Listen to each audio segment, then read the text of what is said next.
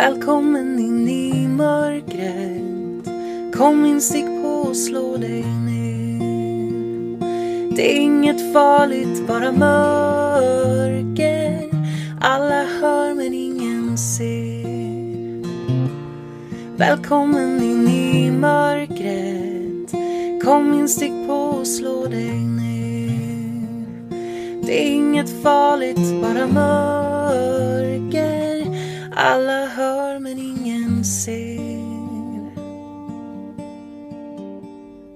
Hej och välkomna till Mörkret. Sveriges bästa podcast för ensamma. Med mig Johan och dig Angelica. För några år sedan så läste jag en ganska lång eh, artikel som handlar om en man i Maine i Förenta Staterna som heter Christopher Thomas Knight. Eh, och eh, jag blev så himla fascinerad av den här artikeln så att när jag såg att den eh, journalisten som hade skrivit den, han hette Michael Finkel.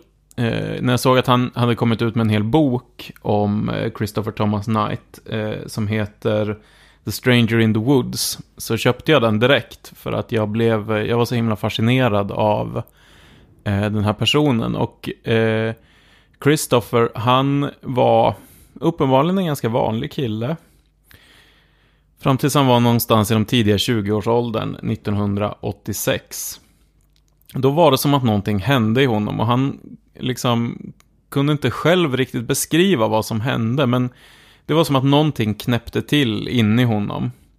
Och han tog sin bil och körde den så långt ut i skogen där i Maine där han bodde som möjligt.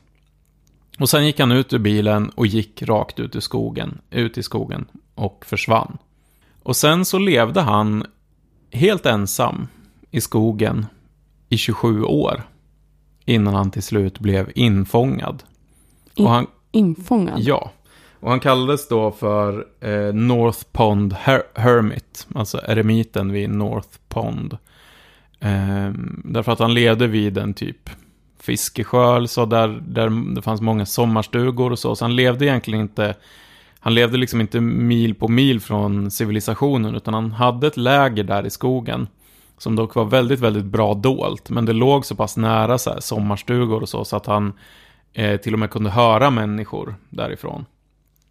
Och han överlevde genom att eh, bryta sig in i de här sommarstugorna och olika så här eh, campingar och lägerverksamheter och så och stjäla därifrån. Mm. Mat och sånt som han behövde. Han stal även mycket böcker och tidningar och så.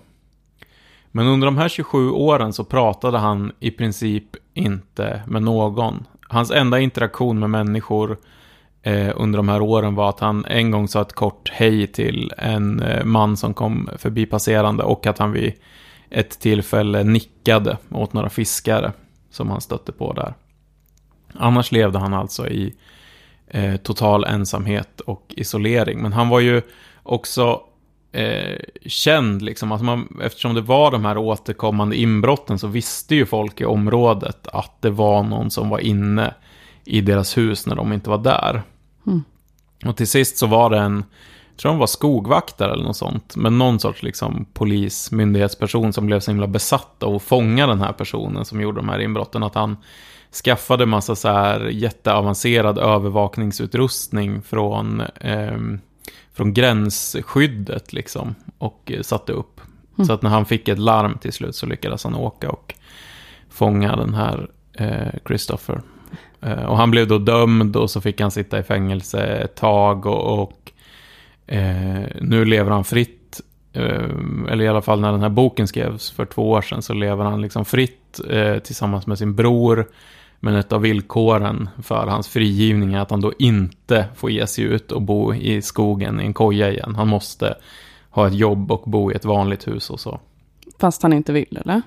Nej, alltså det tydliga intrycket av de kapitel. För han, den här journalisten, han fick liksom förtroende för den här journalisten. Så det är typ den enda som han riktigt har berättat Men- för. Han kunde prata, han har inte, han kanske pratar för sig själv då. Jag tänker om man inte pratar Ja. på 27 år. Ja, han borde ha blivit väldigt ovan vid att prata. Ja. Men ja, nej, han kan, han kan prata och så fortfarande. han lyssnade ju också, han lyssnade på radio och sådär. Han var medveten om vad som hände i världen under de här åren. Han ville bara inte vara med. Han ville bara inte vara med, han ville vara ensam, han ville bli lämnad i fred. Men hade det hänt något? Nej, det är det som är grejen. Alltså han verkar ju ha varit lite av en kufisk typ. Kanske någon som inte riktigt passat in och så. Men det var ingen stor um, katastrof eller så i hans liv som hände. Utan det var just det här att någonting bara knäppte till i honom och han orkade inte vara med längre. Och så drog han ut i skogen. Och efter några år så blir det ju lite... Till slut tänker jag att det nästan blir jobbigt att bara dyka upp Just det. igen. Då måste man liksom hålla fast Ja. vid det här beslutet. Precis. Oavsett om det regnar på en hela tiden. Ja, ja, och han hade ju ett ganska, alltså han, vintrarna var ju väldigt hemska för honom. Det han gjorde var att innan liksom snön kom så åt han eh, väldigt, väldigt mycket godis som han snodde. Och drack väldigt mycket sprit. Särskilt så Baileys och sånt. Mycket energi liksom. Så att han blev lite tjock liksom. Och sen låg han i princip i det. Han, han låter ju som en riktig sommarsvenne i Norrland. Det är så man gör. Ja, ja. Uteserveringar hela somrarna. Bara liksom riktigt så här kolhydrat, Mm. Så måste man eh, dra på sig och sen, Och sen för, går man för att överleva eh, vintern liksom. Mm. Och, och jag tyckte att den här boken, jag rekommenderar den verkligen till alla Stranger in the Woods för att det är en så himla intressant skildring av en människa som har eh, varit med om någonting som ganska få, alltså hans, den längden på hans ensamhet är ju eh, väldigt unik. Mm. finns ju andra som har varit ensamma väldigt, väldigt länge. Jag tänker på så här, det, det dyker ju ganska ofta upp historier om sådana här japaner som slogs på olika öar i, i Stilla havet under eh, andra världskriget och sen liksom bara när kriget tog slut eh, gömde sig i djungeln och vägrade komma hem och liksom vägrade tro på att Japan hade kapitulerat och så. Ja, det finns, det har jag aldrig hört talas om. Har du inte det? De tog tillfället i akt, så att säga. Nej, inte så mycket att de tog tillfället i akt, utan att de bara, ja men kriget pågår väl fortfarande och jag är ensam kvar här, men jag är fortfarande en japansk soldat liksom, så jag ska hålla mig gömd för alla på Åh, den här herregud. väldigt isolerade ön. Ehm, så att det finns ju de här exemplen, men i våran, i våran tid idag så är det ju ovanligt att människor är eh, så pass ensamma som ehm, Christopher Thomas Knight var. Nej, då är det ju någon tomte som bara, jag har flyttat ut i Skogsnäskollektivet. Och man Ja, bara, ja. du Och även, även då tror jag att det är extremt ovanligt Ja. att man är så extremt Nej, då är man ensam. folk. Alltså, alltså, det finns ju människor som är väldigt, väldigt ensamma, men ofta så går ju de i alla fall till affären någon gång. Alltså man pratar ändå med någon. Men den här... äh. Men, men det intressanta tycker jag är att han, han är väldigt också så här... Han vill inte vara någon vis man. Han tycker inte att han har fått några så stora insikter och så. Han ville bara vara i fred. Han ville bara vara i fred, men jag tycker att det finns väldigt intressanta saker i det han pratar om. Till exempel att han då, han hade liksom bara, han hade bara tid för sig själv, men när han var sådär ensam, eh, och framförallt när han liksom inte, han behövde inte ha någon, någon mask inför någon. Mm. Alltså han eh, behövde aldrig, eh, han förhöll sig inte till några sociala interaktioner, han, han var så att säga 100% sig själv. Och då upplevde han att han, vem han överhuvudtaget var, han, han blev osäker på om han ens existerade liksom. Mm. Hans jag upplöstes på något sätt och han upplevde att han blev som en del av skogen liksom. Som när man är barn. Ja, Då kan man ju i lek eller i stunden, för jag, kommer, jag har så starka minnen av det, att man glömmer bort att man finns. mm, Och att jag längtade till det, tillbaka. Inte för Ja. att man själv var dålig, men bara för att man, man själv, man bara såg och upplevde. Men sen Mm. att det landade i ett jag, det var så irrelevant. Mm, Ehm, ja. och det där får man inte. Men vad intressant.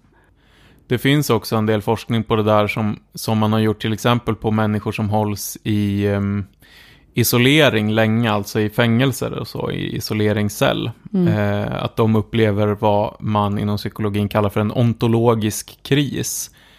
Eh, och det här är för många inte då den här kanske ganska sköna upplevelsen eh, som Christopher hade, utan eh, mer eh, faktiskt en väldigt svår psykologisk kris där man genom social isolering eh, till slut blir, blir liksom, tappar greppet om sitt eget jag och blir osäker på om man själv existerar, om världen överhuvudtaget existerar, om andra människor existerar. Men då har man ju tagit bort intryck, tänker jag. Ja, Alltså då är det något annat. Mm.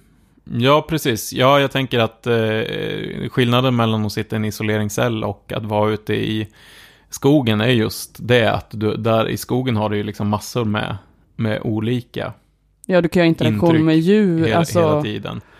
Han berättade ju mycket om hur han liksom så varma sommarnätter brukade smyga ner till någon sjö där och, och ligga på rygg och flyta under stjärnorna liksom i här totalt mörker och så bara stjärnhimlen som spände ut sig över honom och speglades i vattnet och han som låg och flöt mitt i det där och, och liksom nästan ja, bara blev en, en del av, av allting.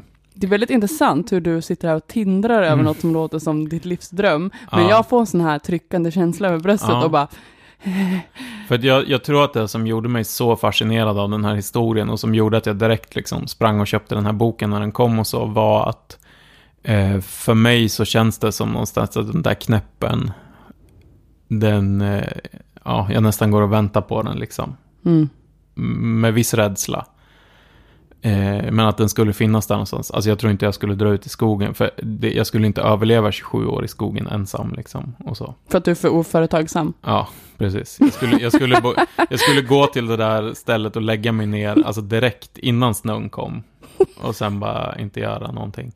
Frysa fast. Nej, men jag kan känna en, ehm, jag kan verkligen förstå, jag kan, jag kan känna när jag läser, ehm, liksom, när han berättar efter att han åkt fast och så om sina tankar och, och så kan jag verkligen känner att jag förstår honom, även om han, han har en mer extrem del av den driften som jag har, liksom, Mm. just det här att få vara eh, helt eh, ensam. Men det är ganska konstigt också och, och det är liksom ganska avvikande och för ganska många en, a- en mardröm. Och du och jag har ju gjort, eh, tänker jag, ett, eh, vi gjorde ett så här personlighetstest på jobbet en gång. Så det var ju ganska långt och Ja, forskat och vad det Sånt var. Myers-Briggs. Sen kan man väl i och för sig diskutera väldigt mycket hur vetenskapligt det är. Jag skulle säga att det inte är så vetenskapligt, det här med Mm. 16 personlighetstyper och så. Okej. Men eh, du, en av de skalorna som finns där är ju introversion och extroversion. Alltså jag hade sån ångest Johan. För att liksom vi sitter hela personalgruppen och jag kan Mm. ju inte sluta prata. Alltså jag är så impulsiv och jag blir så Mm. glad när alla är samlade. Mm. Och jag blir så här blä, blä, blä, blä. Och så bara kommer de fram och bara, ja. Eh, och så lämnar de fram testet och jag bara, Johan, jag är 100% extrovert. Ja. Det var ångest alltså. Kommer du ihåg det? Hur Ja. dåligt det var? Det här är, ju- jag bara, men det här är ju inte normalt. Nej. Ja, du blev 100% extrovert. Det är ingen som blir 100% av något. Och jag är, blev då 80% introvert. Mm. Och det där är ju en skala eh, som handlar om hur man liksom är, man kan säga att det handlar om hur man är orienterad och vissa säger också att det handlar om hur man typ får energi eller hur man riktar sin energi. Liksom extroversion är ju att du är riktad utåt mot andra människor och introversion handlar väldigt mycket om att du är riktad inåt mot dig själv, liksom mot dina egna tankar och, och känslor Mm. och sådär. Och den grejen kan man väl säga, skillnaden mellan introverta och extroverta är väl hyfsat forskat på att det liksom finns. Eh, och så ska man, kan man säga att så här, de allra, allra flesta ligger någonstans i mitten. Man brukar prata om att vara ambivert, alltså att man är ja, delvis. Det är jättekonstigt, för jag tycker jag känner mig lik dig. Ja, vi är väldigt lika på väldigt många sätt, men det här är väl en av de stora eh, Mm. olikheterna då, hur vi... Jag tankar kraft i kontakten med andra Ja, människor. Precis. Och du behöver liksom få vara Precis. ensam för att kunna hämta kraft. Det där är ju ett vanligt sätt att beskriva det att för den som är extrovert så får man energi av att vara tillsammans med andra. Eh, och för den som är introvert så får man energi av att vara själv och liksom mm, få betala energi för att vara tillsammans med andra. Mm. Det var ju så tydligt nu, som ett exempel, när vi var på kongress på jobbet Mm, i Övik. Och du var väldigt trött, liksom, socialt eh, bakfull. Ja. Liksom. ja, Och bara, men jag känner att det här är, eh, det är kul, men det här är liksom, eh, så långa sociala dagar, mer Mm. än vad jag liksom mår bra i. Så. Ja, ja. Eh, och jag behöver, efter det här behöver jag vara ensam en lång period. Mm, Och jag bara, gud, jag känner för första gången att jag är i fas. ja. Sen var jag sjuk, men Mm, att jag var i fas och att jag bara, jag har nog varit understimulerad innan. mm, Och mm. då var det ju så här, mingla 12 timmar per dag minst. umgås med människor, så himla många, alltså det blir så där speciellt för att det är liksom hela IOGT-NTO-rörelsen samlas eh, och det är flera hundra människor där och man känner väldigt, väldigt många av dem. Mm. Och man, jag hade ju så ofta så att jag inte kunde gå mer än några meter innan någon stannade mig och ville prata om någonting. Liksom. Alltså det tog jättelång tid för mig att, att ta mig fram på det här området där vi var. För att det var så många som ville prata. Och det är jättetrevligt och det är jätteroligt, men det, för mig så tar det väldigt mycket. Liksom. Alltså jag blev väldigt, väldigt, väldigt trött och var tvungen att vara liksom... Och jag kände Eh, första gången att jag vaknade. Mm, Alltså jag kände mig Mm. fräsch i hjärnan, det känns som att jag hade städat ur hjärnan. Precis. Och det där finns ju lite olika teorier om varför det är så. Som sagt, man har ju också forskat på det här och sett att det faktiskt är skillnader i hjärnan, liksom. Hur olika delar av hjärnan är utvecklad, var man har liksom mest blodcirkulation och så. Eh, det finns också de som menar, det finns ett test som man har gjort där man ser att introverta, eh, eller om introverta och extroverta, skillnaden om de får en liten droppe eh, citronsaft på tungan, så får eh, introverta mer saliv. Och det här tros ha att göra med att introverta helt enkelt behöver mindre extern stimuli för att systemen ska sätta igång i kroppen. Liksom. Mhm. Eh, alltså mindre social stimuli men även annan typ av stimuli, till exempel då smak för att sätta igång. Fast det är ju jättekonstigt, för jag känner mig jättekänslig och har inte Mm. alls något filter. Men ja, det är så himla... Ja, men du kanske har starkare filter än, än du tror eftersom du behöver, Mm. eh, eller känner ett behov och faktiskt sa att du var, har känt dig understimulerad, även om du inte kanske har formulerat det så tidigare. Mm. Ja, jag kan ju sakna att vara i verksamhet, liksom, Mm. vara bland folk för Mm. att orka göra administrativt jobb. Mm. Men jag kan tänka mig att för dig är det tvärtom. Ja, så är det. Ja, men i det här avsnittet ska vi prata om ensamhet Ja, precis. och vad det gör. Mm. För, för det finns ju också, kan man väl säga, att det finns ju ganska mycket positiva och negativa saker med det här med att vara introvert och extrovert. Mm.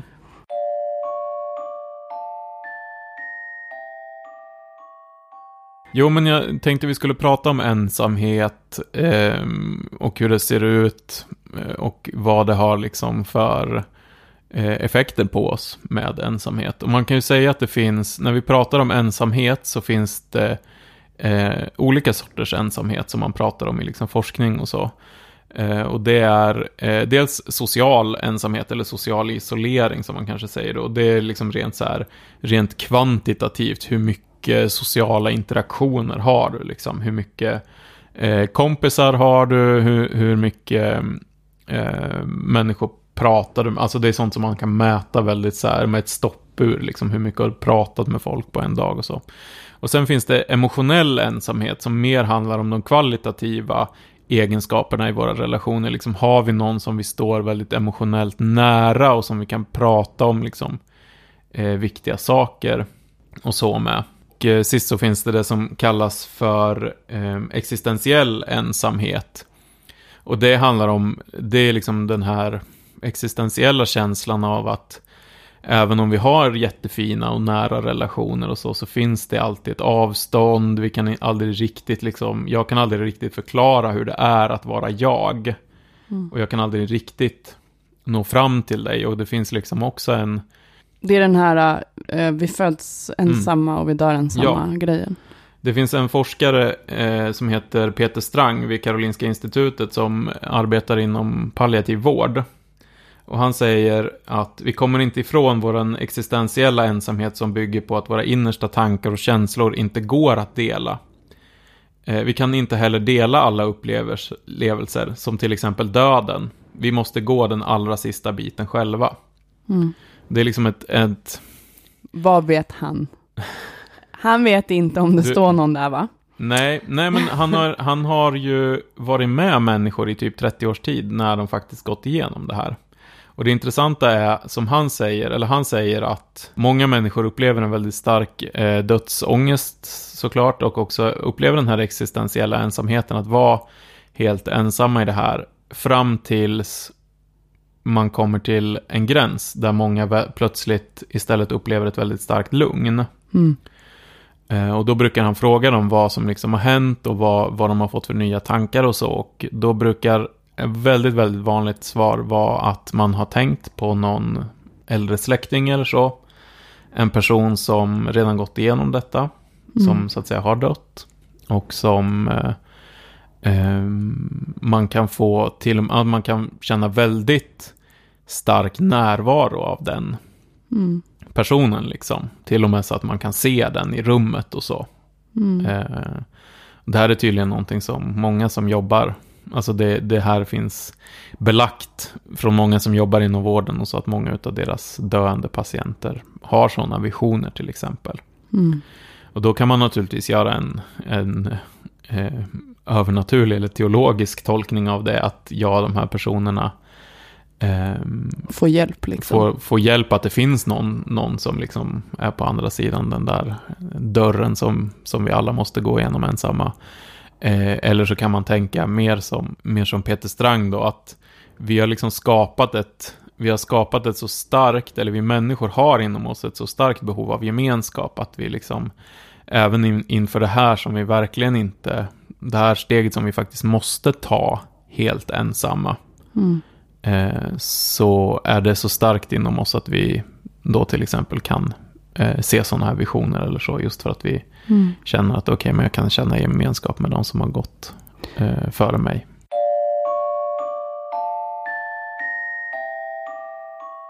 Det, det är intressant också det här med ehm, typ betydelsen av olika, eller alltså skillnaden mellan till exempel social ensamhet och emotionell ensamhet och så. Det brukar ju sägas att vi svenskar är väldigt ensamma. Om man, har mätt, om man tittar på typ sånt som hur många ensamhushåll det finns i Sverige, Mm. eh, singelhushåll liksom, så är vi ganska extrema. Vi ligger väldigt högt i nivå och så. Eh, men om man faktiskt tittar på typ, alltså människors, så man kan säga på mycket sån här social, hur mycket social ensamhet det finns, så finns det ganska mycket social ensamhet av att folk liksom inte Kanske, ja men det finns många som inte har så mycket kontakt med andra människor, man bor inte tillsammans med andra människor och sådär. Man har kanske inte den dagliga kontakten med väldigt många människor. Men om man tittar på den emotionella ensamheten så ligger vi svenskar eh, inte alls långt. Vi ligger i, för europeiska länder till exempel så ligger vi väldigt högt i liksom emotionell eh, social tillfredsställdhet eller emotionell kontakt. Mm. Det är väldigt många som har, eh, åtminstone, alltså som har, får utlopp för sitt behov av att prata med folk om sina känslor och behov och sådär. Eh, en intressant sak som jag tyckte när jag läste forskningen är att så här, behovet av att ha en partner, Mm. en romantisk partner, alltså för vårt välmående, är inte så jättestort. Det spelar faktiskt inte så jättestor roll. Medan behovet av att ha nära vänner är Mm. mycket, mycket större. Precis som jag trodde. Alltså om du lever i en relation, men inte har ett, en vänkrets utanför där du har liksom nära relationer, Mm. Då Eh, blir man jätteensam. då blir man väldigt, väldigt ensam. Och det här är också någonting som många har skrivit om, men som jag tror fortfarande är ganska jobbigt för många att prata om, att man kan ha, man kan vara väldigt ensam. Man kan till och med ha liksom de fysiska eh, effekterna av ensamhet, trots att du till exempel lever i en kärleksrelation med någon. Mm. Eh, Vad mycket skuld den partnern måste- få. Ja, fast jag tror samtidigt, alltså så här, om man ska vara lite så här, ehm, om man ska vara lite fördomsfull så tror jag att det är många som lever i heterorelationer Mm. och i typ så så här, där man kanske, ja men när man är ganska ensam i sin relation. Ja. Alltså vara ihop med en heterokille kan ju inte vara så kul. Men jag tänker det är också typiskt eh, heterokillar att bara nu är du min person Mm. till tjejen och bara nu och jag kommer inte umgås med någon annan nu för det är bara Nej. du som förstår mig Ja. ändå. Ja. För att man får mycket bättre feedback där. Mm. Usch vad det är jobbigt att vara den tjejen. Mm. Eh, Mm. Och bara, ha, det här var ju ett ok att bära. ja, precis. Jag är den enda sociala kontakt du har och Ja. du går omkring och är ändå inte nöjd. Såklart, Mm. också baserat på den forskning du nämner. Liksom. Ja, precis. Och Ja, För bara- att man inte kanske har en vänkrets utanför. Ja. Eller så har man en vänkrets, man har den här sociala, Mm. man har den här sociala kontakten, men man har inte den emotionella kontakten därför att män med sina vänner ofta inte har den, den relationen. Liksom. Men alltså, jag, alltså jag, så, vad pratar man om då? Alltså jag måste ju säga, för att jag är ju också så på många sätt. Alltså nu har vi, du och jag, en väldigt djup emotionell relation. Men jag är ju med stora delar av min vänkrets, särskilt de som är män, inte någon sorts djup emotionell relation. Och för min del så handlar det ju mycket om att vi kanske är vänner för att vi gör någonting konkret tillsammans. Alltså vi har liksom en konkret aktivitet eller så. Men vad händer då om man bara, jag har ångest? Det skulle nog bli väldigt jobbigt och svårt att Ja. hantera. Nu tror jag att bland många av mina vänner, alltså även manliga vänner, så skulle det inte vara så jävla svårt att hantera för att det är människor som kommer från en generation och som kanske också har typ en feministisk medvetenhet och så, så att de har jobbat mer på det. Men jag tror att det är eh, i väldigt många manliga kretsar så skulle det vara eh, jätteohanterligt liksom. Det är ju så. Alltså jag har ju killkompisar som umgås så med andra Mm. killar och ibland är det som att det så här, äh, tippar över på mig. Ja, Och så börjar de liksom, ska vi hitta på något? Jag, nej, varför Mm. ska vi hitta på? Kan vi inte bara ses? Och sen så bara börjar man så här äh, prata om mat och väder. Jag bara, varför gör du kallprat mot mig nu? Mm. Jag gör inte det mot dig, kan du sluta? Alltså, Mm. jag, blir, alltså jag får sån här allergi. ja. Det var, jag, eh, jag, alltså, jag är förundrad över hur män kan umgås så mycket socialt utan att umgås socialt. Ja. Alltså, förstår du vad jag menar? umgås på ett emotionellt plan. Ja, Jag det, tycker för mig är det målet. Ja, för mig är det nog inte nödvändigtvis målet. Eh, Jag kan ju också bli väldigt trött av det och tycka att det är väldigt jobbigt och tycka att det är väldigt skönt. Alltså jag kan tycka, till exempel i ett sammanhang när- jag har min rollspelsförening, liksom, eller förening, vi är inte ens en förening, Mm, den grupp som jag spelar rollspel med, Mm. eh, som ju oftast är, har liksom varit eh, ganska mycket fler män och så. Mm, Det har inte bara varit män som har spelat där. Nu tror jag att vi har kommit lite längre än väldigt många män som sysslar med spel, för att vi faktiskt så här, varje gång vi träffas försöker prata om så här, hur kändes det förra gången? Alltså så här, vad fick jag för känslor? Var det något som kändes jobbigt och så? Mm. Eh, men jag kan också tycka det blir jobbigt när det blir för mycket så här känslor och hur känner jag och nu blev jag ledsen över det här eller något sånt liksom. Du bara, jag går hem nu. Ja, jag känner mig att jag- obekväm. Nej, men för, ja, för att jag kanske vill ha någon fristad från det liksom. Att jag vill ha bara, ja men nu vill jag bara göra den här aktiviteten liksom. För, för mig är det, de grejerna gör jag själv, förstår du? Mm. För jag, då, jag kan inte, eftersom jag inte kan umgås med någon på något annat sätt än på ett emotionellt plan, Mm. till och med mot deras vilja, Ja, så ska jag alltid prata om känslor, Mm. då måste jag vara själv när jag ska göra det som, Just det. alltså det är därför jag bara kan göra så ensamsporter och sånt där. Mm. Mm. Så jag har så svårt att relatera, men ja, jag Ja. fattar. Mm. Men det är ju också många som tycker att man förstör stämningen när man börjar prata om känslor på en middag. Ja. Och jag är ju så här, men det är väl därför vi är här, eller? Ja, fast jag tror inte det är det för alla. Jag tror inte alla alltid har målet att få den här djupa emotionella kontakten med andra människor. Därför att för till exempel för mig då som är 80% introvert så är det väldigt jobbigt. Det är väldigt energikrävande. Mm. Och därför är det skönt ibland att... Eh, jag tycker också väldigt mycket om att umgås med människor i tysthet. Mm. Du och jag har ju en, en gemensam kompis som heter Jobian. Jag tror vi har nämnt honom i den här podden förut. Jag kanske eventuellt har berättat om den gången jag nästan dödade honom. Du måste då vidareutveckla det, för att de som inte har tidigare avsnitt. Ja, nej, men jag ska inte vidareutveckla det så mycket för det har inte hit. Men jag fick honom att skratta en gång så mycket att han nästan höll på att kvävas. Men i alla fall, vi det hade... kom majs och blod ur hans näsa. Ja, det gjorde det faktiskt. Vi hade ju ganska länge ett sätt att umgås på där vi gick och simmade tillsammans. Mhm. Och vi tyckte att det var så skönt båda att vi kunde så här, ses utanför huset där vi bodde, säga god morgon, eh, gå iväg och simma. Efter att man hade simmat 45 minuter eller så, så sa någon till den andra, är du klar? Ja, eller nej, ja. Eh, så gick man och duschade och klädde om, så gick man hem, så sa man hej då. Så behövde man liksom inte säga så jävla mycket man kunde bara umgås genom att ehm, eh, vara tysta tillsammans. Så det där tycker jag är väldigt, väldigt skönt. Du, det här är som så här man- svenska bondesamhället Johan. Och det finns inget som jag föraktar mer. Jag vill så flytta till New York när jag så här kom på vilket Ja. samhälle jag befinner mig. Och jag tycker det är så vidrigt. Jag tycker det är taskigt av, folk när de, de på ett påträngande sätt umgås på det där sättet. Då kan jag bli upprörd.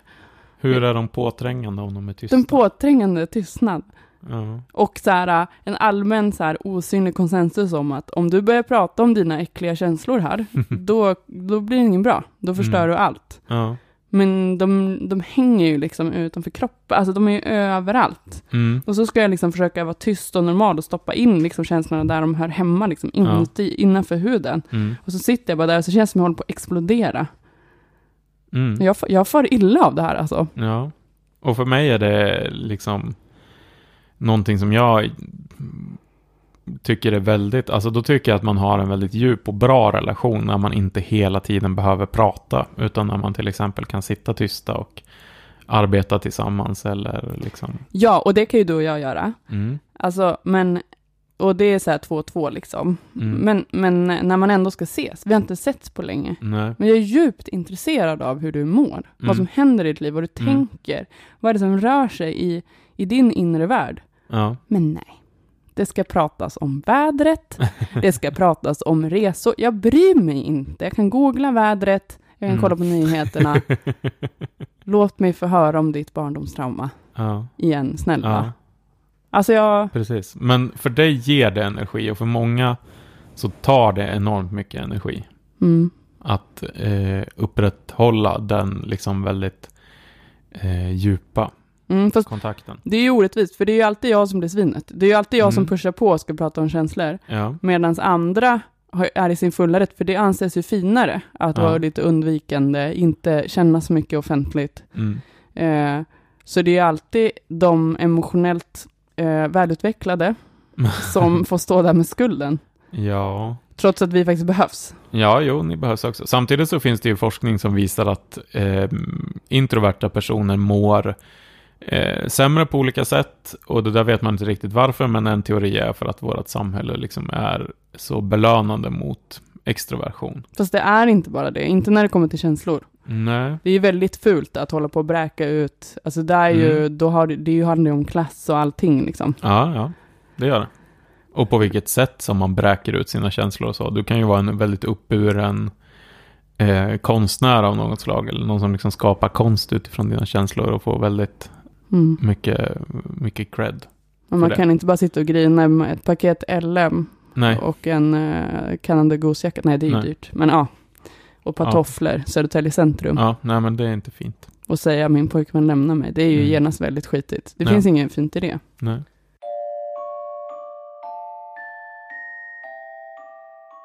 Men eh, ensamhet, är det, jag har hört någonting om att det är lika skadligt som rökning eller sitta still. Ja, det Vad är, det för fysiska? det är faktiskt eh, en ganska stor studie eh, för typ 8-9 år sedan och som visar att ensamhet har eh, lika skadliga effekter som rökning och typ övervikt och, och massa andra Mm. saker som vi vet är dåliga. Och det som händer i kroppen, alltså när man är, när man upplever eh, långvarig påtvingad ensamhet, alltså ofrivillig ensamhet, eh, det är egentligen en stressreaktion. Du får förhöjda eh, kortisolnivåer på det sättet som när du är utsatt för liksom, en eh, väldigt stressande situation.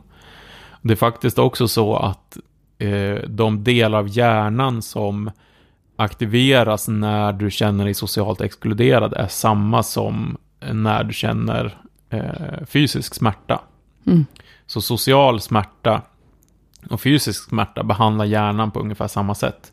Man har typ gjort en studie där de så här studenter fick hålla på och kasta bollar till varandra. Och så mätte man hjärnaktiviteten under tiden och då såg man att på de som liksom man, man valde ut någon som liksom folk slutade passa till. Man Mm. skickade inte bollarna till den här personen.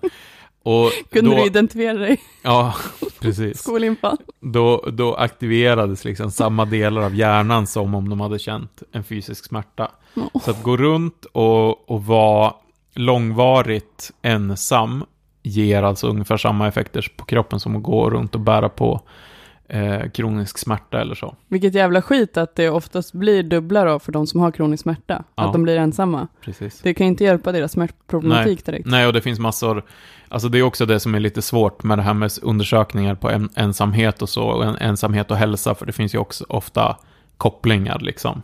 Mm. Alltså är du eh, ensam för att du är sjuk, eller blir du sjuk för att du är ensam liksom. Mm. Och det verkar ju finnas en, ett växelspel där, och, och tyvärr är det ju då så att, till exempel att när det faktiskt kommer till fysisk smärta, alltså riktig, eh, eller jag ska inte säga riktig fysisk smärta, all smärta är väl riktig, men du har ont på grund av något fysiskt tillstånd. Och så får du någon som sätter sig bredvid dig, pratar med dig, kanske klappar lite på dig.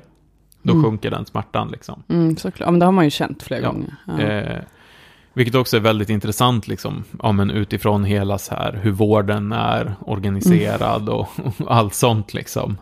Eh, och vad, hur man gör med smärtmedicinering och en massa sådana saker. Liksom, där vi kanske är det så smart att skära ner hela tiden, att göra vårdpersonalen mer och mer stressad så att de faktiskt inte hinner sitta med patienter och sen liksom, Får de mer ont. får, får de mer smärta och de mer mediciner. Och, ja. Jag såg ett sånt eh, i ett eh, typ trapphus, var det en sån bostadsföretag i Umeå som heter Bostaden, tror jag. Och de, jo det var Bostaden, och de hade ett projekt där de ville bekämpa ensamhet. Mm. Och då var det så här, är du ensam? Och då kunde man få volontärer som kom hem till en och umgicks med en. Ja, För att eh, många är gamla och ensamma. Ja. Liksom. ja. Och att så här, forskning har visat att det är bra skit. Men Mm. alltså vill man det? Nej, det är det som är... Det är det som är så svårt. Alltså, är man ensam så är det ju svårt att sluta vara Ja. ensam. Men det här ska liksom vara sen, sen, finns sig, mellansteget. sen finns det i och för sig, ska jag säga, att det finns forskning som har gjorts i Sverige som visar att ehm, det, det är svårt, men det är på intet sätt omöjligt. Mm. Alltså ganska många av dem som i någon sjuårig studie eller något sånt tror jag hade liksom, ja, eh, kan säga kronisk långvarig ensamhet, man var väldigt, väldigt ensam i sitt liv, så var det ändå typ 50% eller något sånt som hade lyckats bryta den där efter ett antal år. Mm. Eh, Så att det går ju att göra, men det är väldigt svårt. Och det är ju också, jag vet inte, men jag kan tänka mig, alltså det, det här är mest sånt som jag fått höra anekdoter om, men att det är i den svenska kulturen väldigt svårt. Mm. Just för att det är svårt att komma in i, vi är väldigt liksom atomiserade på något sätt. Och våra familjer är ganska stängda. Mm. Eh, Ja, du kan inte ens vara på en vänskaps- middag och Nej. säga hur du mår. Nej, och våra vänskapskretsar är ganska stängda. Och, och på arbetsplatser och så också ganska Det där tyckte jag var så fint eh, på Attention Stockholm där jag jobbade förut, där vi hade så mm, kaféträffar och så här, samtalsgrupper och Mm. så. För många vuxna med NPF och särskilt de som hade Asperger eller autism. Mm. Alltså, eh, så många som var, alltså, man blir så knepig och det har ingenting med diagnosen att göra, det har att göra med att du är själv liksom. Just det. Eh, du blir jävligt nervös och knepig och liksom Mm. fyrkantig i ditt tänkande när Mm. du sitter mycket själv. Ja. Och det var ju så många som kom och eh, Attention Stockholm blev liksom språngbrädan till att våga ta kontakt med andra. Mm. Men också att kunna vara social på sina egna villkor. Att eh, du behöver inte tänka på att någon på den här eh, fikaträffen kommer ju inte typ så här, vad fan pratar du om känslor nu? Mm. Eh, lägg av liksom. Mm. Det, inget underförstått, inget sånt. Och att så, här, ja men vi var ofta det enda sociala det. man hade. Mm. Eh, och det fanns inte så mycket förväntningar på en, förutom att man skulle typ komma dit. Mm. Eh, och det man märkte efter ett tag, och särskilt efter någon termin, liksom, eh, kanske någon så här ny hade kommit, det är ju att alltså, många blev ju så mycket bättre. Ja. Alltså så Ja. mycket mer öppna, så mycket mer ögonkontakt. Och, och vad man tänkte så här själv fördomsfullt, att det här är nog en ganska svår... ja, men den här personen kanske har en ganska stor svårighet. Men nej, Mm. men den här personen hade ganska stor ensamhet. Just det. Just det. Eh, och det är jäkligt häftigt att få att se hos Mm. alltså, hundratals personer. Mm. Vad vad viktigt det är att man bara kommer ut. Ja. Alltså jag är ju en varm, en varm anhängare av liksom folkrörelsetanken och att man måste, Mm. man måste vara lite aktiv i samhället på något sätt. Mm. Eh, och, och att det är farligt att stänga in sig, särskilt då att stänga in sig i bara den här familjen. Jag tycker att jag ser så himla många som går in i ett familjeliv liksom i våran ålder och så är man fast in i det bara. Och man och tappar ju där- alla perspektiv. Du blir ju en sån otrevlig person. Och sen kan ju vad som helst hända. Skilsmässa, partner dör. Ja, och Ja. då sitter man där. Och, och jag tror ju att det är viktigt att man har någonting utanför sin familj, utanför sin släkt och så. För mig har ju det varit liksom så här, nykterhetsrörelsen och vänstern och så. Det kan säkert vara massor med olika saker för folk liksom. Men man har ju också gjort forskning på så här, det här har jag läst ganska mycket om eftersom jag är intresserad av så här, mm, alltså det finns det har funnits förr forskning som har visat att så här, ja men de som dricker lite, lite alkohol, de lever längre och mår bättre än de som ehm, inte dricker alkohol alls. Mm. Och nu idag så vet vi att det där är ganska mycket junk science, därför att man har inte tittat på hur de här grupperna skilt sig åt, och man har inte sett att typ i den gruppen som inte dricker alls, så är det många svårt sjuka, folk som kanske tar medicin som man inte får blanda med alkohol, många före detta missbrukare, Mm. alltså människor som redan har blivit skadade av alkohol och så. Men om man däremot tittar på grupper som eh, undviker att dricka av ideologiska skäl, Mm. så verkar det som att de lever väldigt länge. Ja. Alltså de mår väldigt bra fysiskt. Och där finns det en grupp som man har forskat väldigt, väldigt mycket på. Det är de som kallas för sjundedagsadventister. Det är alltså en, ja, en kristen kyrka helt enkelt. Mm.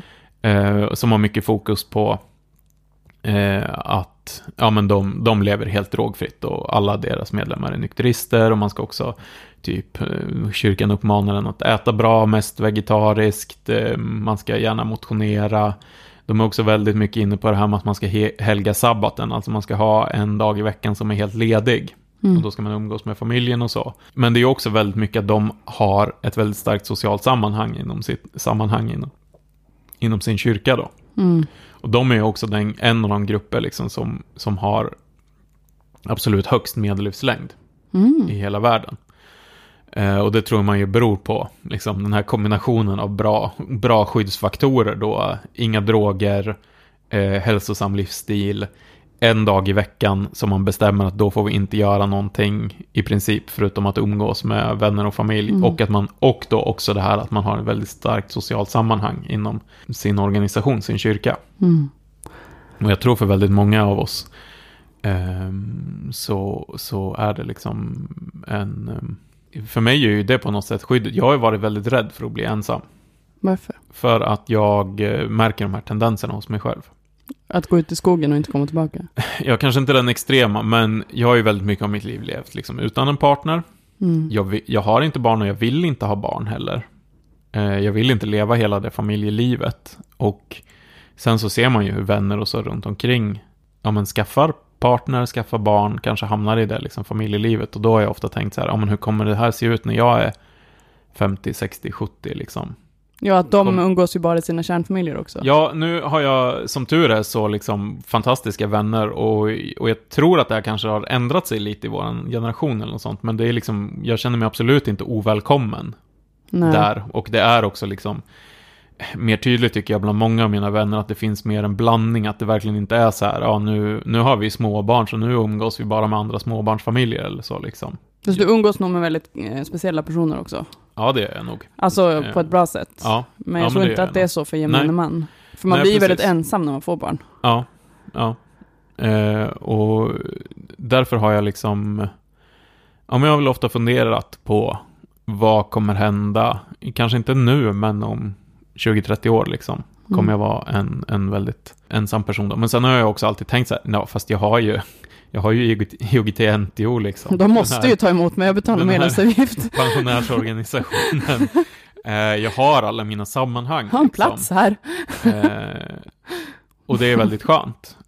Jag Ja. har alltid känt en väldigt stor eh, trygghet i det och jag tror också det är därför jag har en så stor tacksamhet till liksom, Mm. ja, men nykterhetsrörelsen till exempel, som betyder väldigt mycket för mig för att det alltid har varit. Jag tycker alltid att det eh, mm, nämnda Jobjörn till exempel, han brukar ju berätta om hans farfar, hur när hans farfar var väldigt, väldigt gammal och väldigt sjuk och liksom väl inte såg och, och, och inte hade svårt att gå själv och sådär, hur hans gamla kamrater där från nykterhetsrörelsen kom och hämtade honom i bil liksom. Han skulle med på mötena. Han hade det här eh, sociala sammanhanget. Eh, som jag tror väldigt många gamla saknar liksom. Mm. Att man eh, kanske har haft det eller så. Men man har tappat bort det, man har gått in i ett familjeliv, man har gått in i liksom släkt och sådär. Men det är ju, tycker jag, man, eh, alltså, det pratade jag om en kompis om för ett tag sedan, att vi fick barn samtidigt. Och vi trodde typ att man skulle börja umgås mer. Men Mm. det som hände var ju att man blev väldigt överhopad av saker att göra. Och man blir ganska lätt isolerad med en bebis. Ja, Och hur mycket båda på varsitt håll tänkt att man saknar den här storfamiljen. Ofta pratat om det. Att Ja. så här, man hade haft en farmor, en farfar, mm, mm. eh, en gård, syskon, eh, Ja. kanske en vän. ehm, Och att det har man suttit, när man suttit där och ammat själv och bara, fan, tänk om det hade funnits några fler. Mm. För att det är för stor uppgift och det blir så himla ensamt. Ja, ja, Eh, också hur liksom hela samhällsstrukturen är uppbyggd. ja. Sen har ju jag valt att bo så nu, med Mm. min familj, alltså min syster och hennes familj. Mm. Eh, och det är ju, alltså jag hade ju, det här eh, känslomässiga och sociala ensamheten är, måste ju vara typ en 60-procentig förbättring om jag hade bott själv i en Mm. lägenhet i Akalla liksom, Mm. Mm. med mitt barn. Ja, jag har ju också valt att bo i kollektiv. Jag har ju sen jag flyttade hemifrån aldrig bott eh, ensam liksom. Nej. Eh, Du bor ju med många också va? ja, vi är fyra stycken som bor ihop nu liksom. Eh, men, men, eh, och, men jag har också väldigt svårt, det är ju kanske konstigt nu när jag har pratat om min introversion och min vilja att vara ensam och så, men jag har väldigt svårt att förstå så här, varför jag skulle ha ett jättestort behov av att bo ensam. Så länge Mm. jag får ha mitt rum som jag kan stänga in mig på, där ingen stör mig, liksom, så har jag svårt att förstå varför jag ska ha en egen spis och en egen eh, diskmaskin och allt sånt liksom. Ja. Men eh, man brukar ju prata om att vi svenskar är så kallade statsindividualister. Det är väl ett begrepp som framförallt är förknippat med historikern Lars Trägård. Och, och det man menar med det är väl kanske att på det sätt som vi har byggt vårt samhälle i Sverige med liksom väldigt starka, ändå trots liksom nyliberalismen och så som vi har brutit ner väldigt mycket då, men vi har liksom en stark eh, offentlig sektor, vi har ett starkt skyddsnät och det är också väldigt individualiserat. Det är liksom jag som individ som får ta del av det här skyddsnätet. I många andra länder är det ju så att säga familjen. Mm. Hur Så- då? Ja, men till exempel att... eh, Man har sjukförsäkring för familjen? Ja, nå- någonting sånt liksom. Att det, det är inte en relation mellan dig och staten kanske i första hand, utan det är en relation mellan dig Ja, och du menar familjen. så. Jag bara, hela familjen, Eh, för jag fattar inte ens, mellan för familjen och svensk staten. för att förstå. Men, men eh, och, och i, i länder där man har ett mycket svagare skyddsnät, Mm. där har, är du ju ofta beroende av eh, familjen, Mm. till exempel. Det är det här som jag tycker gör så, typ den moderna liberalismen och så, så himla patetisk, för att den ofta är så här, ja, vi är på individens sida och vi vill ha bort den här, Sverige har så himla stark stat, liksom, som lägger sig i en massa och så, bara, ja, fast i andra samhällen där det inte ser ut så, där är det ju typ din familj eller din storfamilj eller din klan liksom Mm. som styr över dig. Och den kommer ju verkligen lägga sig i varenda jävla aspekt av ditt liv. Den har ingen grundlag heller. Den har Nej, inga etiska, nej och du har liksom, alltså, det är bara ett jävla tjat. där är det hela tiden de här personliga relationerna, medan Mm. min, min relation till staten är ju väldigt icke-personlig liksom. Också väldigt tydliga regler. Och, och precis, och det gör att jag kan ha en väldigt stark individualism. Och det är därför många menar att vi, vi i Sverige till exempel då, att våran ensamhet faktiskt är mindre än i länder där man kanske fortfarande lever i så stora familjer. Mm. Men, men här i Sverige så har vi mycket starkare möjlighet att själv välja vilka vi vill ha relationer till liksom. Jag tycker det låter mer ensamt. Vad? Att välja vilka man vill ha relationer till. Jag tror inte att det är det. Jag tror att det är, och statistiskt sett så är det ju inte det heller. För Nej. att när du är, när dina relationer så att säga är påtvingade av nödvändigheten. Så att jag måste ha en relation med de här människorna för att, Ja, det är sant. för att de är min ekonomiska trygghet. Mm. Jag behöver de här människorna om jag blir sjuk. Jag, um, istället för att liksom, jag väljer att ha relationer med de här människorna. Det är de människorna som jag väljer att ha i mitt liv. Liksom. Jag tror att våra sociala relationer blir liksom djupare och bättre och finare när de bygger på frivillighet. än på Förutom, behov. förutom om du har jättesvårt med kontakten med andra människor. Mm. För då är det ju kanske, då är det kanske du och en bondstödjare. Alltså, ja.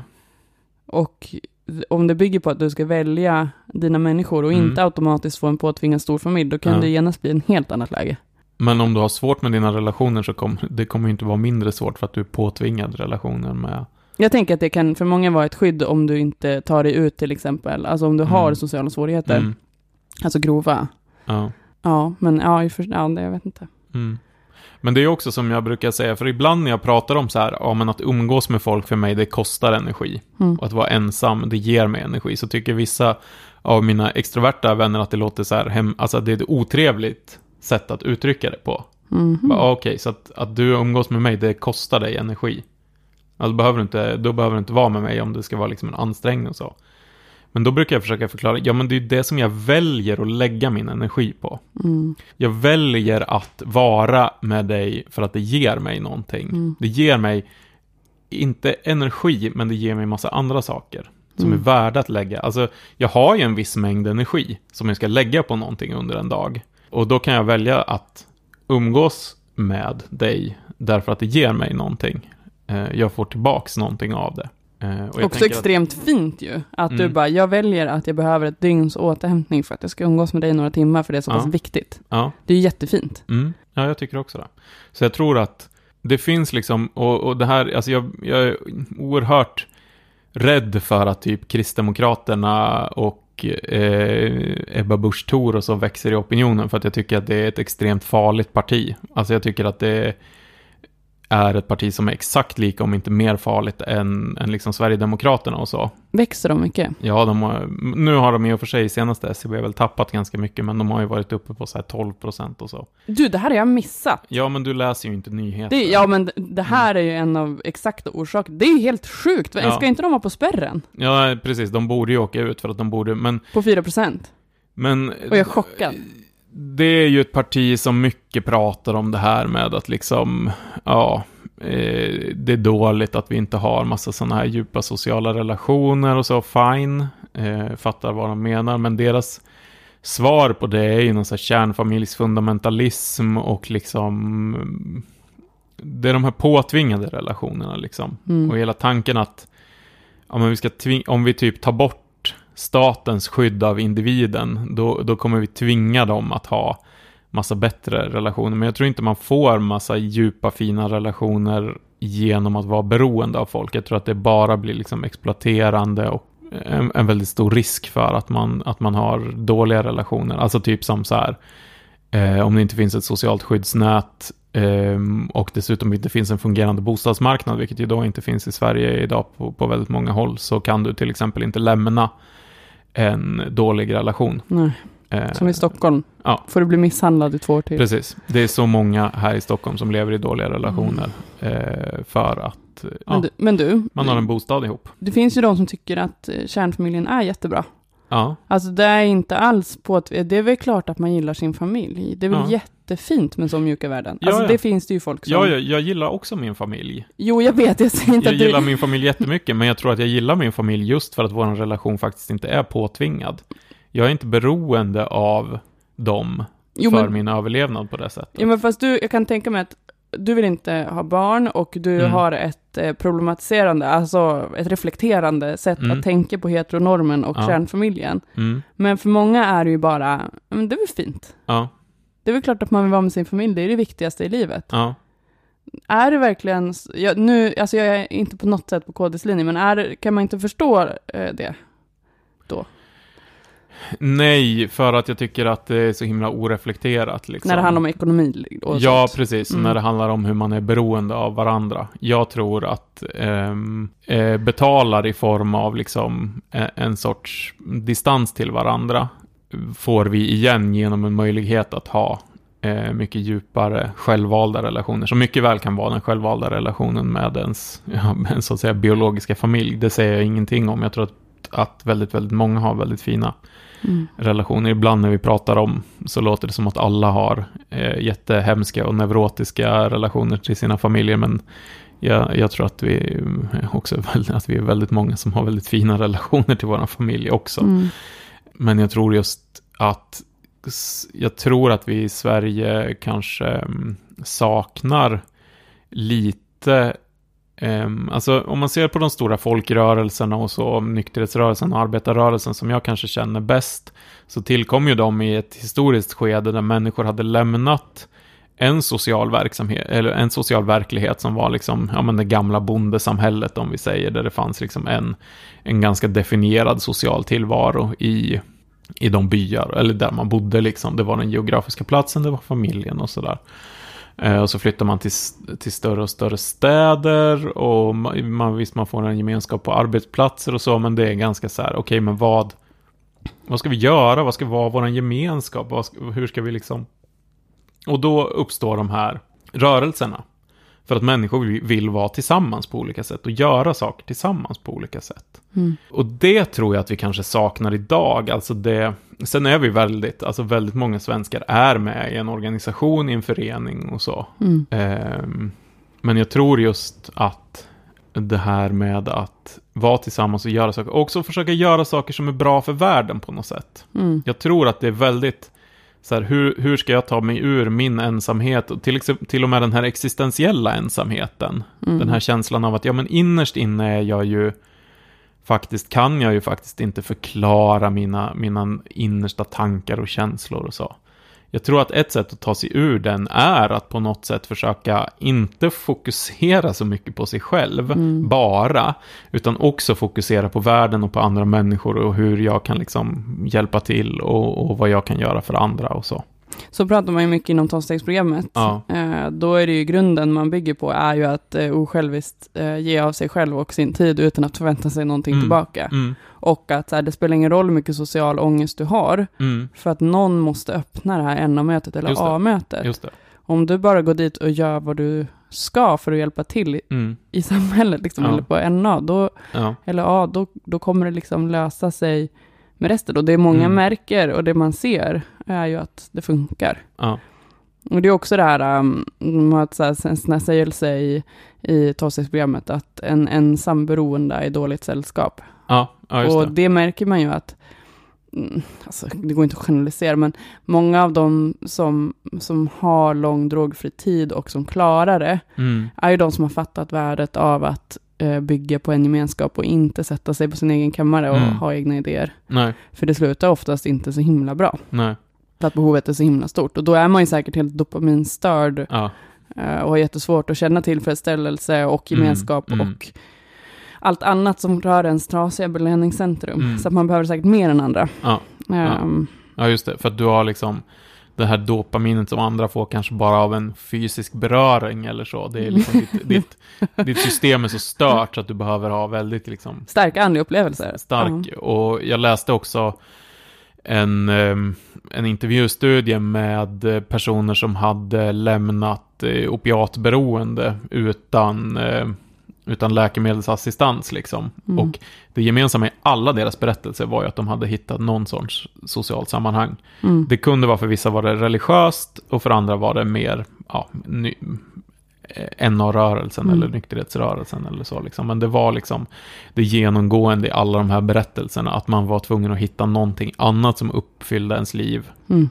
Och det där kan man Syfte. också se ofta tycker jag på kamrater som kommer till nykterhetsrörelsen från ett eget missbruk. Hur, alltså ibland får man nästan eh, ta folk lite i armen och säga att okej, men nu får du lugna dig lite. Bränn inte ut dig på det här. Liksom. Precis. Mm. Jag vet att du älskar det här. Jag vet att du brinner så extremt mycket för det här. Jag vet att du vill göra allting. Men du vi- måste också sakta Mm. ner lite, ta lite hand om dig själv. För du måste stanna kvar. Du kanske också till exempel behöver vara lite ensam ibland. Mm. Eh, liksom. Men, eh, ja, men det är jätteintressant. Jag tror att vi har ett så, även då för mig som har den här, eh, eh, den här Christopher eh, Knight-känslan att den där knäppen kan komma någonstans. Så är det så att vi har ett så himla stort fundamentalt behov av andra människor. Har också att identifiera sig. Ja, Alltså det slår jag ju alltid slag för. Jag tycker Mm. det är alltså, en, av de, en av de finaste sakerna man kan ge till andra människor är att låta dem få chansen att identifiera sig. Att Mm. så här, här, jag har ett sammanhang där du inte behöver känna dig annorlunda, du behöver Mm. inte känna dig knäpp, nej. för jag har gått igenom det du går igenom. Mm, Och att så här, våga vara den personen som faktiskt bryter det här stigmat och bara pratar om sina känslor när man inte får. ja. För att jag är helt fullständigt övertygad om att den här känslan av att jag är annorlunda, jag kan inte få kontakt med människor som Mm. andra kan, det är liksom något diffust fel på mig som jag aldrig kommer klara av att avkoda. Mm, Och i kärnan som är jag är något som är grundskadat på ett Mm. sånt sätt att jag alltid kommer känna utanförskap. Alltså Mm. den tomhetskänslan och den ensamhetskänslan eh, är jag helt övertygad om att den dödar. ja. Så därför tycker Ja. jag liksom att identifikation, det här motgiftet, det är det, Mm. en av de viktigaste Mm. saker vi har. Mm. Och jag tänker också på, på något som vi gör inom nykterhetsrörelsen fortfarande och som man gjorde inom folkrörelserna och som jag har ett väldigt stort intresse för. Ehm, jag tror att du tycker det är mer socialt jobbigt, men det är ju att sjunga tillsammans. Tycker Ja, jag har gått Waldorf, det är ju det enda man gör. Det är mer en, en utbrändhet Ja, på körsång och kanon. Mm. Men- Jag sjunger ju också i kör, i en arbetarrörelsekör som heter Röda Lågan. Och för mig är det en så himla mäktig upplevelse att sjunga tillsammans med andra. Mm. Och det här är ju någonting som man egentligen gör inom, alltså jag tänker i alla rörelser som bygger på någon sorts gemenskap och identitet och så, så har man ju sjungit tillsammans. Mm. Och ofta också dansat tillsammans. Det Eller- gör man inte längre. Eller rört sig rytmiskt tillsammans. Jo. Och, eh, Johan. Ja men eh, i, i, alltså i typ att man marscherar eller så. Eh, Jag alltså tänkte, det finns, det jag finns en tänkte anledning som till att man... frigörande dans på yoga retreat. Och jag Ja. bara usch. Nu, Ja, fast jag tänker som frigörande dans och så. Jag vet inte, jag har, har, någon sorts, jag har någon sorts fördomar om det, men jag tror att då rör man sig inte riktigt tillsammans. Alltså man anpassar inte sina rörelser efter varandra. Och människan är ju faktiskt, det här är jätteintressant, det finns en författare som heter Lasse Berg som har skrivit en trilogi av, av faktaböcker som heter Kalahari-trilogin som handlar om, om människans ursprung. Och han skriver, en av de grejer som skriver där som jag verkligen så här tog fasta på, alltså, människan är det enda djuret som rör sig tillsammans i, i rytm, liksom, i dans. Vi, det finns vissa djur som vi säger att så här, ja, men bin, de dansar och så, men det är ju bara, de gör inte det. det är inte ett sätt- koordinerat. Nej. Men människor rör sig koordinerat tillsammans. Och vissa forskare menar då att det här kom faktiskt innan talet. Innan Ja. vi kunde prata med varandra för att samordna liksom, så lärde vi oss att typ dansa eller vad vi ska kalla det. Och just det här att vi, vi kan, vi kan, vi är det enda djuret som, som, vi är det sociala djuret, vi är ju det djuret som, som är liksom eh, tillsammans. Ja men just att vi människor är liksom eh, det djuret som kan prata med varandra, eh, som kan uttrycka våra känslor till varandra liksom genom både prat och sång och så, men också att vi samtidigt har den här dubbelheten i och med att vi också är det djuret som är medvetna om att vi ska dö, och vi är också fundamentalt medvetna om våran liksom existentiella ensamhet. Mm. Eh, Det finns en, en, eh, eller det fanns en, en tysk eh, filosof som heter Alfred Schopenhauer som ehm, jämförde oss med igelkottar. Det är liksom igelkottar som på grund utav kylan så måste de krypa in till varandra Mm. för att ta del av varandras kroppsvärme. Men samtidigt så sticker de sig på varandra om de kommer för nära. Så de måste hela tiden försöka, de dras till varandra, men de måste också ha ett, en distans liksom. Mm. Eh, Det här var en jämförelse som Freud sen tog upp och liksom menade att, ja men, det här är våran, våran kultur, våran civilisation handlar om liksom att, att upprätthålla både det här be, vårat behov av närhet till varandra, men också vårt behov av eh, distans. Mm. För att vi, kommer vi varandra för nära, så är det väldigt lätt att vi gör varandra illa. Ehm, Igelkottens dilemma. Igelkottens dilemma kallas det här för. Och eh, för mig så handlar mycket om det här med ensamhet och så, om just den här igelkottens dilemma och vårt behov både av att få ha en distans till varandra och att få vara nära varandra. Mm. Ehm, men också om hur liksom vårat, ja, hur ska man bygga ett samhälle där vi på något sätt, på ett ultimat sätt kan, där vi kan uppnå liksom den ultimata eh, balansen mellan behov av distans och närhet liksom. Mm. Ja, jag tror ju att olika typer av strukturer och så som gör att vi, vi kanske exploaterar eller förtrycker varandra och så är liksom, står i vägen för ett sånt eh, samhälle. Mm. Eh, och jag tror eh, att i typ, ja men de här människorna som flyttade in från landet till städerna någon gång 1880-talet och bara okej, men hur ska, vi, hur ska vi leva våra liv i framtiden liksom? Vad, vad är det nu? Ja, vi har kommit från det här gamla samhället.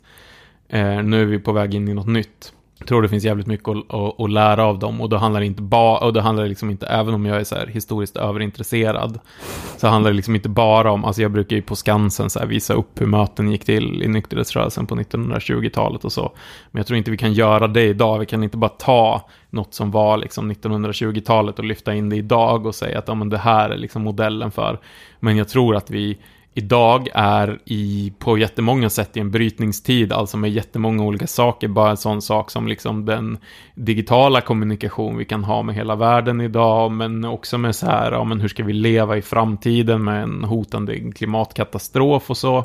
Mm. Och jag tror att vi är, i en brytningstid på jättemånga sätt och jag skulle så himla gärna vilja att vi hade någon sorts, alltså den diskussion som människor hade då. För vi är liksom inte dummare än de som levde för 140 år sedan och kunde ha en diskussion om liksom hur, hur ska vi faktiskt leva Mm. tillsammans. Och jag önskar att vi kunde ha den idag och att det inte bara var så här Ebba Busch Thor, den här otroligt onda människan som typ fick prata om, som fick någon sorts monopol på så här och prata om typ människors ensamhet och så på, på ett politiskt plan. 12 procent. Ja, det är helt sjukt. Men jag hoppas också att, eh, alltså om jag vill uppnå någonting med den här podden, förutom att få umgås med dig och prata om djupa emotionella saker eh, med dig som tar eh, min energi i anspråk, eh, så är det väl kanske att ni som lyssnar eh, får känna er lite mindre ensamma. Det är Och- många som hör av sig och säger att Säger Eh, just det det. är en effekt av att lyssna på oss, liksom fläka ut våra känsloliv. Att man känner sig mindre ensam och kanske mindre skev och så. Precis, många som säger, ja, ah, jag känner mig mindre ensam, Mm. jag känner mig mindre konstig liksom. Ja. Och det var ju också det jag tänkte i början av podden, att så här, jag bara, jag vill ju att alla ska få ha dig som kompis. Mm. Och det är många som upplever att du är deras kompis, eh, som hör av sig och Ja. ja, om mig också. Det är jättefint. Mm. Mm, kraften av identifikation. Ja, verkligen. Om ni vill eh, identifiera er mer med oss så har Mörkret en eh, Instagram som heter Mörkret Podcast. Mörkret. Mörkret. Och vi har även en eh, Mörkret podcast. en eh, Facebook-sida som heter samma sak. Angelica finns på Instagram som Angelica Ogland och jag finns på Twitter som ordförande Johan.